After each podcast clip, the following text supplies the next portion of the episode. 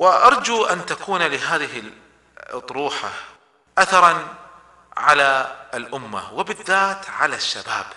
فسبحان الله القدرة عند الشباب على تطبيق هذه المعاني أعلى وأكبر من القدرة عند الكبار.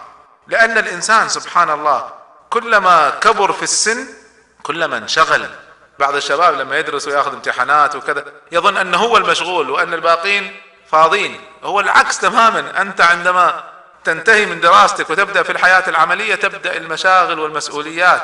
أنت في فراغ. ولذلك عندك قدرة كبيرة على الاستفادة من هذا الوقت. وكلما طال عمرك كلما زادت مشاغلك. ذاك في واحد من الصالحين أخذ ابنه إلى المقبرة. قال رأيت هؤلاء. قال نعم. قال ما فيهم أحد انتهى من عمله. ما فيهم واحد خلص كل قائمة الأعمال المطلوبة منه. ما في. دائما الإنسان يكبر وتكبر معه مسؤولياته. وسبحان الله فترة الشباب هي فترة الإنتاج فترة القوة فترة العطاء وتمضي بسرعة. وذلك الإمام أحمد رحمة الله عليه عنده يعني قولة عجيبة في كيفية أن الشباب يمضي بدون ما يشعر. لما وصل عمره سبعة وسبعين سنة يقول ما شبهت الشباب إلا بشيء كان في كمي فسقط. شيء في جيبي وطاح مني بس هذا الشباب مضى بسرعة مر ما أحسست به. فسبحان الله الواحد فينا الآن يتذكر أيام الدراسة وأيام البحوث اللي كان يعملها وكذا. كأنها ذكريات سبحان الله مرت بسرعة. فالشباب وإن امتد فهو يسير والعمر وإن طال فهو قصير.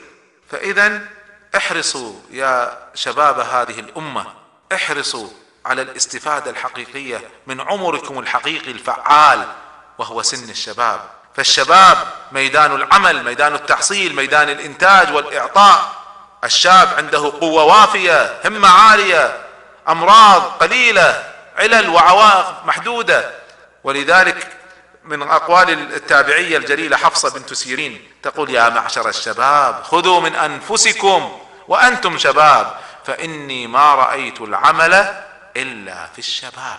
فاذا الحديث موجه خاص للشباب لأن الكبار في السن قدرتهم على تنفيذ مثل هذه المعاني لعوائقهم الصحية والوقتية كثيرة. أما الشباب فلديهم القوة أن يفعلوا ذلك.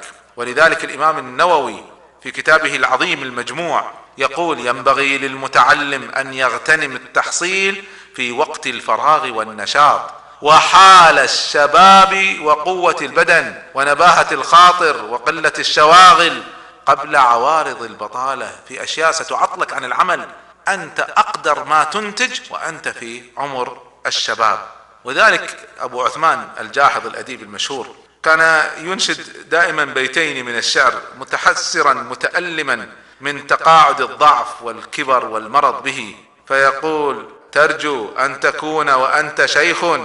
كما قد كنت أيام الشباب لقد كذبتك نفسك. ليس ثوب دريس يعني قديم ليس ثوب دريس كالجديد من الثياب. فاذا هذه مسألة واضحة ظاهرة أنه كلما كبرت سنك كبرت المسؤوليات زادت العلاقات ضاقت الأوقات نقصت الطاقة فالوقت في الكبر أضيق. والجسم فيه أضعف والصحة أقل والنشاط أدنى والواجبات والشواغل أكثر وأشد. اذا بادر إلى ساحات العمل وبادر ساعات العمر وهي سانحة ولا تتعلق بالمستقبل المجهول فله ظروفه المملوءة بالمشاغل والأعمال المفاجئة. فأنتم أنتم أيها الشباب أنتم مظنة الجد أنتم بيدكم العمل والقوة والمجد ونيل الغايات وصفاء اللذات. كل هذا في سن الشباب لا في سن الشيخوخة. فإذا احرصوا على هذا.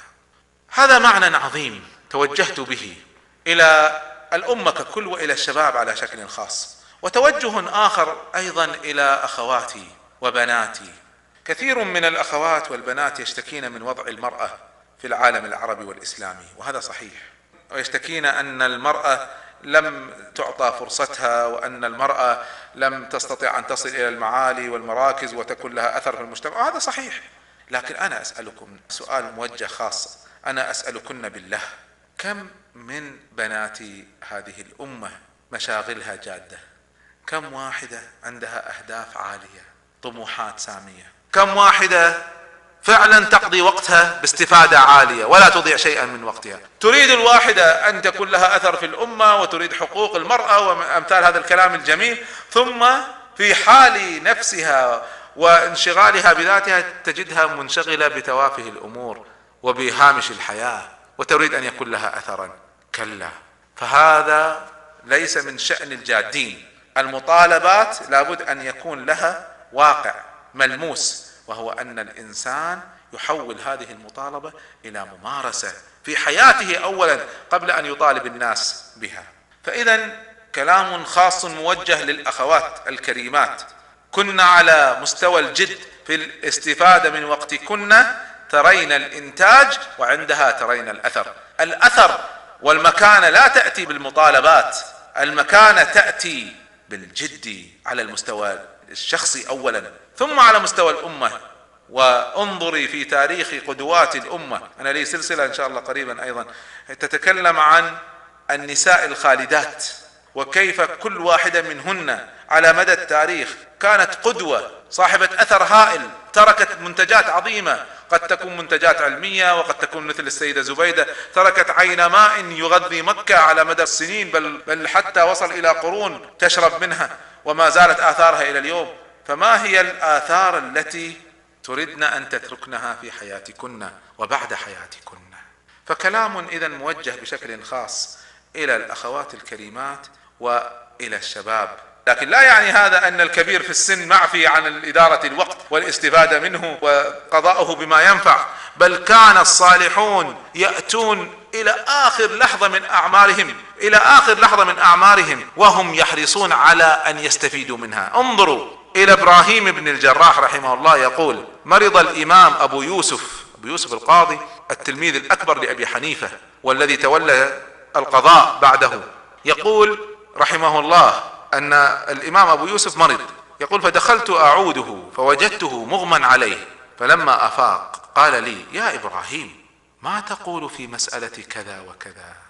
تخيل واحد مريض على وشك يموت أول ما يستيقظ يسأل عن قضية فقهية.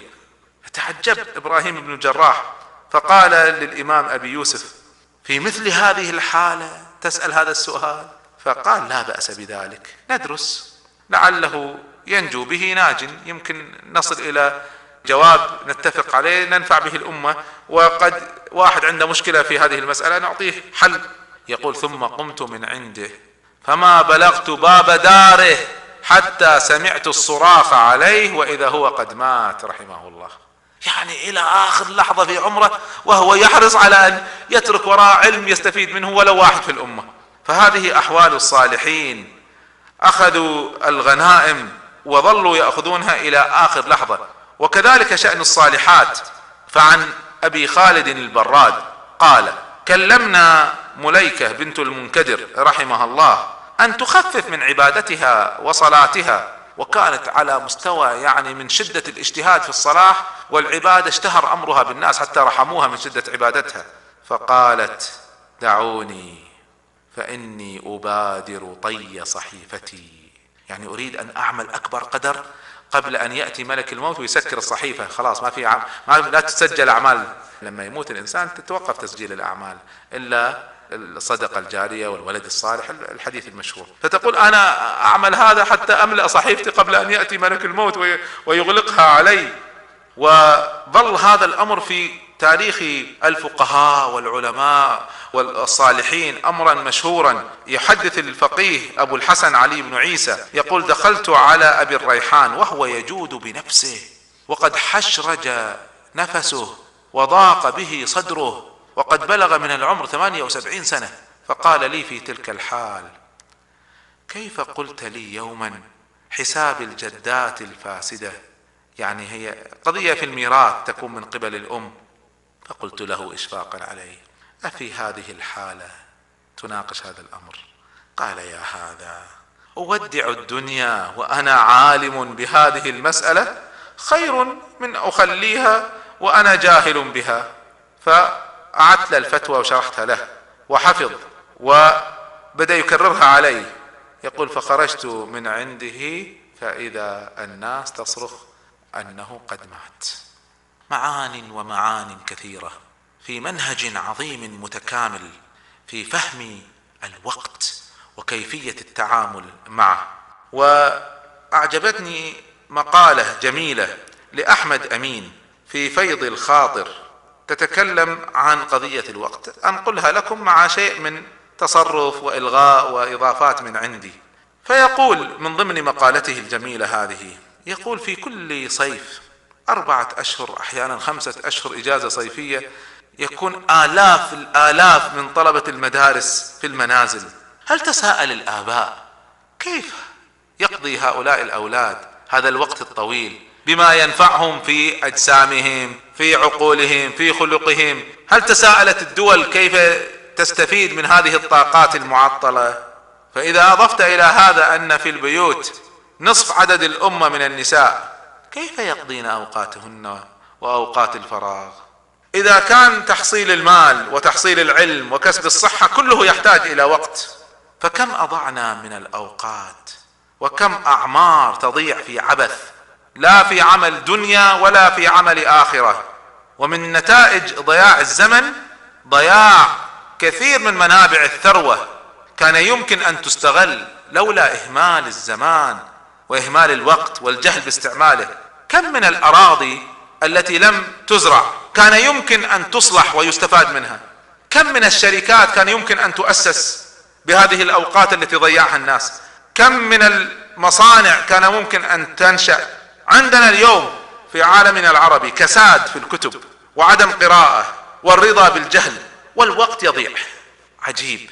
فأجساد تخلد إلى الراحة والشأن في عالم المال كالشأن في عالم الكتب.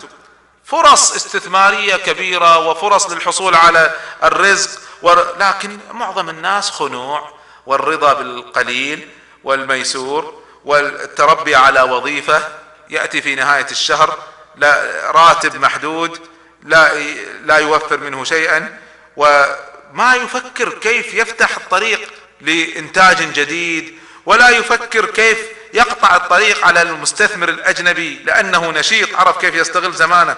ونحن للأسف لم نعرف كيف نستفيد من زماننا. تخيلوا لو كانت الحياة كلها جد وبذل لكننا نحن لا ندعو إلى هذا. طبعا لابد من راحة لابد من مرح. ما يمكن أن تكون الحياة عابسة لا ضحك فيها ولا بشر.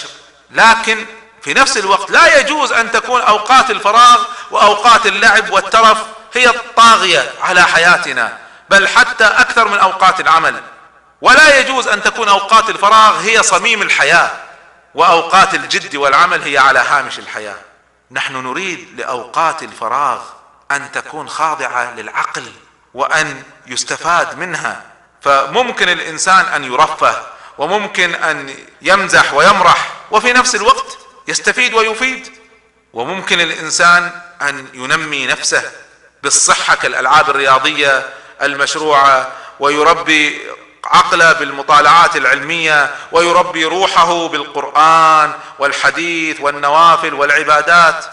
إذا لو فكر الإنسان ممكن أن يشغل نفسه بما هو مفيد. أما أن تكون غايته هي قتل الوقت فليست غاية مشروعة لأن الوقت هو الحياة وقتل الوقت هذا مصطلح مستعمل عند بعض الناس تعالوا نقتل الوقت هو قتل للحياة. والذين يصرفون أوقات طويلة في النرد أو الشطرنج أو اللهو واللغو غير المشروع لا يعملون لغاية يرتضيها العقل ولا لغاية يرتضيها الله عز وجل. والذين يتسكعون في المقاهي والأندية والطرقات لا يطلبون إلا قتل الوقت كأن الوقت عدو من أعدائهم.